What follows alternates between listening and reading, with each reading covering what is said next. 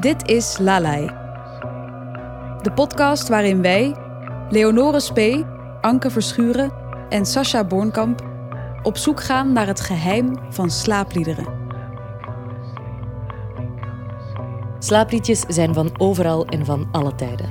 Zolang er mensen waren, hebben zij hun kinderen gesust en in slaap gewiegd. Wat betekenen slaapliederen voor ons? En wat vertellen ze over ons? Over onze menselijkheid? Over ons ouderschap? Aflevering 6. Eva de hond. Ik ben bij Eva de hond. Moeder van drie zoons met de prachtige namen Zeppels, Felix en Magnus. Ik zit in haar lichtrijke woonkamer, omringd door grote kamerplanten, rijen boeken en kleurrijke schilderijen, die ze, zo vertelt ze, huurt van een bedrijf uit de buurt. Een soort geleasede auto, zeg maar, maar dan in de vorm van een canvas aan de muur. Je voelt direct, wanneer je dit huis betreedt, dat hier geen kleine kinderen meer wonen. Haar zoons zitten, wanneer ik Eva spreek op een donderdag namiddag, alle drie in de lesbanken van het Xaverius College in Deurne. Een paar weken geleden stuurde Eva ons een bericht. Ze had onze oproep gezien naar slaaprituelen en slaapliederen en had zelf toevallig eerder die week iets bijzonders meegemaakt. Een aantal weken geleden was mijn 14-jarige zoon zat een beetje in de knoei met zichzelf. Het slapen lukte niet. En ik voelde dat ik heel intuïtief een slaaplied begon te zingen. Ik vroeg het hem, zal ik het liedje nog eens zingen? En het was jaren geleden. Ik begon heel intuïtief een lied te zingen, zonder het ooit nog gezongen te hebben. Misschien wel acht jaar geleden of zo. En kwam het terug boven en ik voelde over hem en over mijzelf een totale ontspanning komen. Heel, heel bizar. En het lied op zich, die tonen, die muziek, die tekst, bracht mij helemaal terug in die periode waarin ik als moeder van jonge kinderen mijn kinderen s'avonds moest reguleren, omdat zelfreguleren niet lukte voor het slapen gaan. En waarbij dat lied een van de dingen was die daarbij hielp. En ik merk nog steeds dat dat een thema is dat mij toen getekend heeft en wat ik nog altijd meedraag.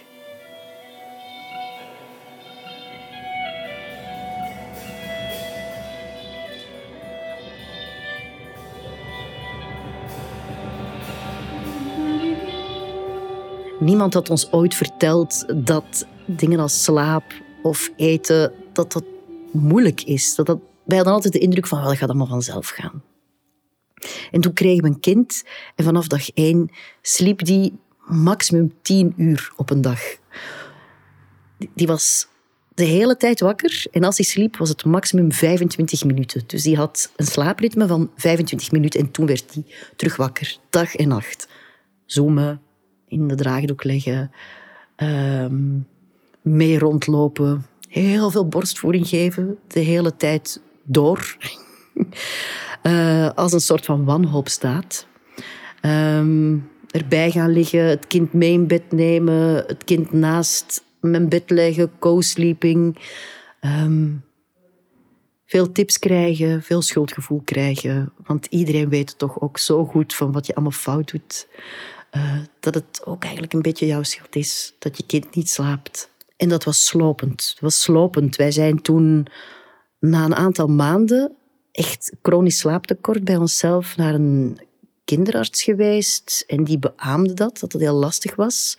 We zijn naar een haptonoom geweest, iemand die via aanraking probeert om het stressniveau te verminderen, maar niks hielp.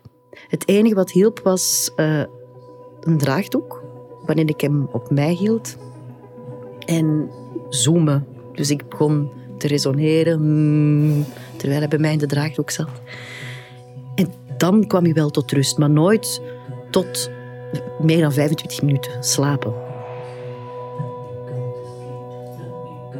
Ja, men zegt soms van dat dat tonen zijn en geluiden zijn die het kind herinneren aan het geluid van toen ze in de baarmoeder zaten, het ruisen van het bloed van de moeder.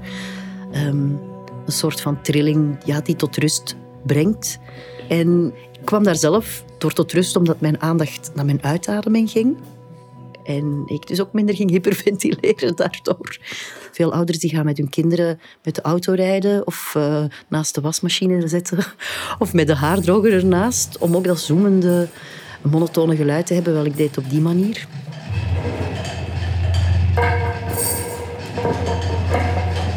Laat ze wenen. Ligt die nog bij jou in bed? Geef jij die nog altijd borstvoeding? Ja, dat is er om vragen. Die kan geen afstand nemen van zijn moeder. Die kan geen afstand nemen van zijn vader. Het raadgeven, ik werd daar echt gek van op de duur. Dus inderdaad, uh, eigen familie die dat doet, collega's, vrienden. En ik denk altijd wel vanuit een, uh, een, een goede bedoeling, maar altijd met een ondertoon van je doet het niet goed. En je moet zelf rustiger worden. En ook van, dit is niet normaal dat jouw kind niet 18 uur op een dag slaapt. En het is niet normaal dat jouw kind maar 25 minuten slaapt en dan direct wakker wordt.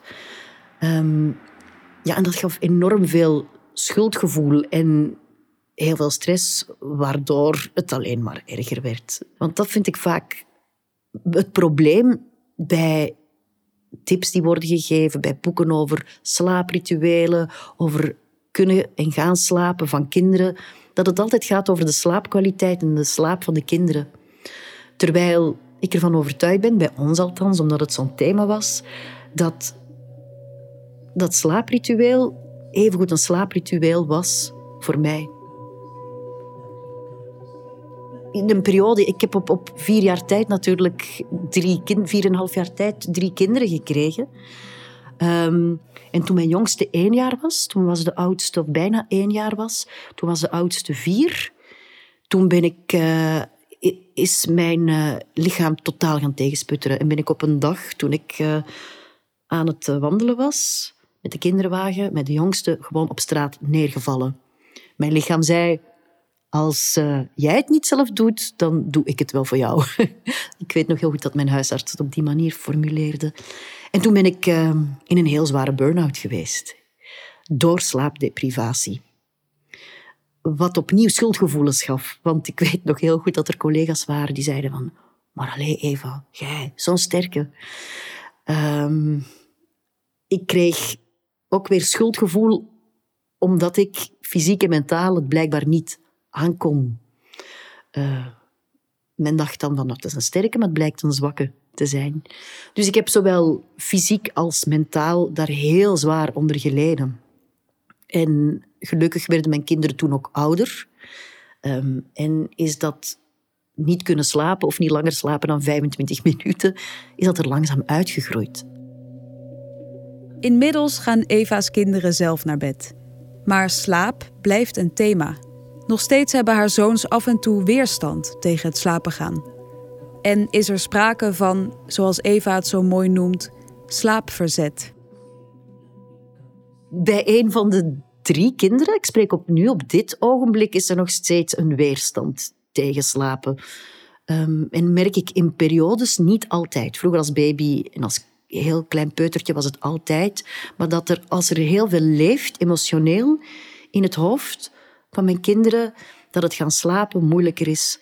Om de eenvoudige reden denk ik dat alle prikkels wegvallen, alle afleidingen wegvallen eh, van een smartphone, van eender wat. En dat je helemaal alleen bent met je zorgen en een overbewustzijn van je gedachten en van je emoties en van je fysieke gewaarwordingen. En als de kinderen in lastige periodes zitten, dan komt het slaapverzet er wel terug. Dat is uh, ja, je hoofd dat van binnen praat en praat de hele tijd. Um, en ik denk dat de nacht en de stilte en de donkerte ons op een of andere manier ook confronteren met onze eindigheid en de dood die er is.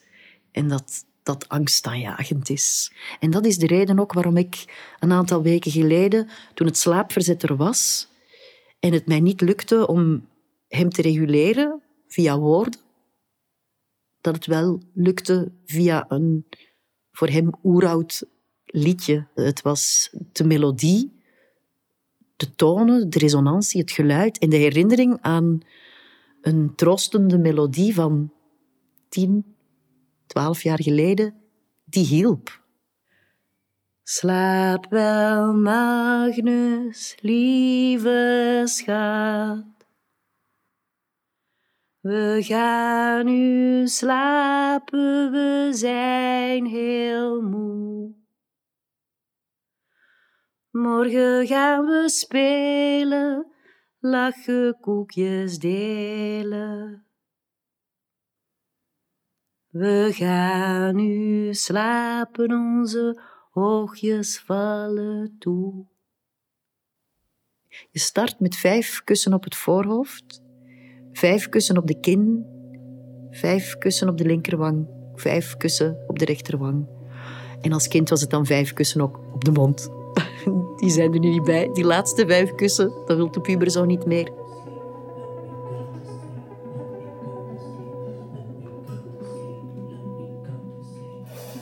Het vooruitzicht op goede dingen morgen. Spelen, lachen, positieve dingen. Koekjes delen, je verbinden met andere mensen. En dan het fysieke toevallen van die oogjes. Ik denk dat ik het zelf heb gemaakt. Maar eigenlijk weet ik het niet. Het is een melodie die heel erg uh, ja, in mijn ruggengraat zit, binnenin zit. Als een mantra. Oh ja, het is een mantra. Ja, ik had het zo nog niet gezien, maar het is echt wel een mantra. Het is ook een soort bezwering. Hè? Net zoals bidden uiteindelijk jezelf verbinden is met, voor mensen die gelovig zijn, uh, in, of die in een God geloven, jezelf verbinden met een God. Maar in de eerste plaats denk ik jezelf verbinden met jezelf.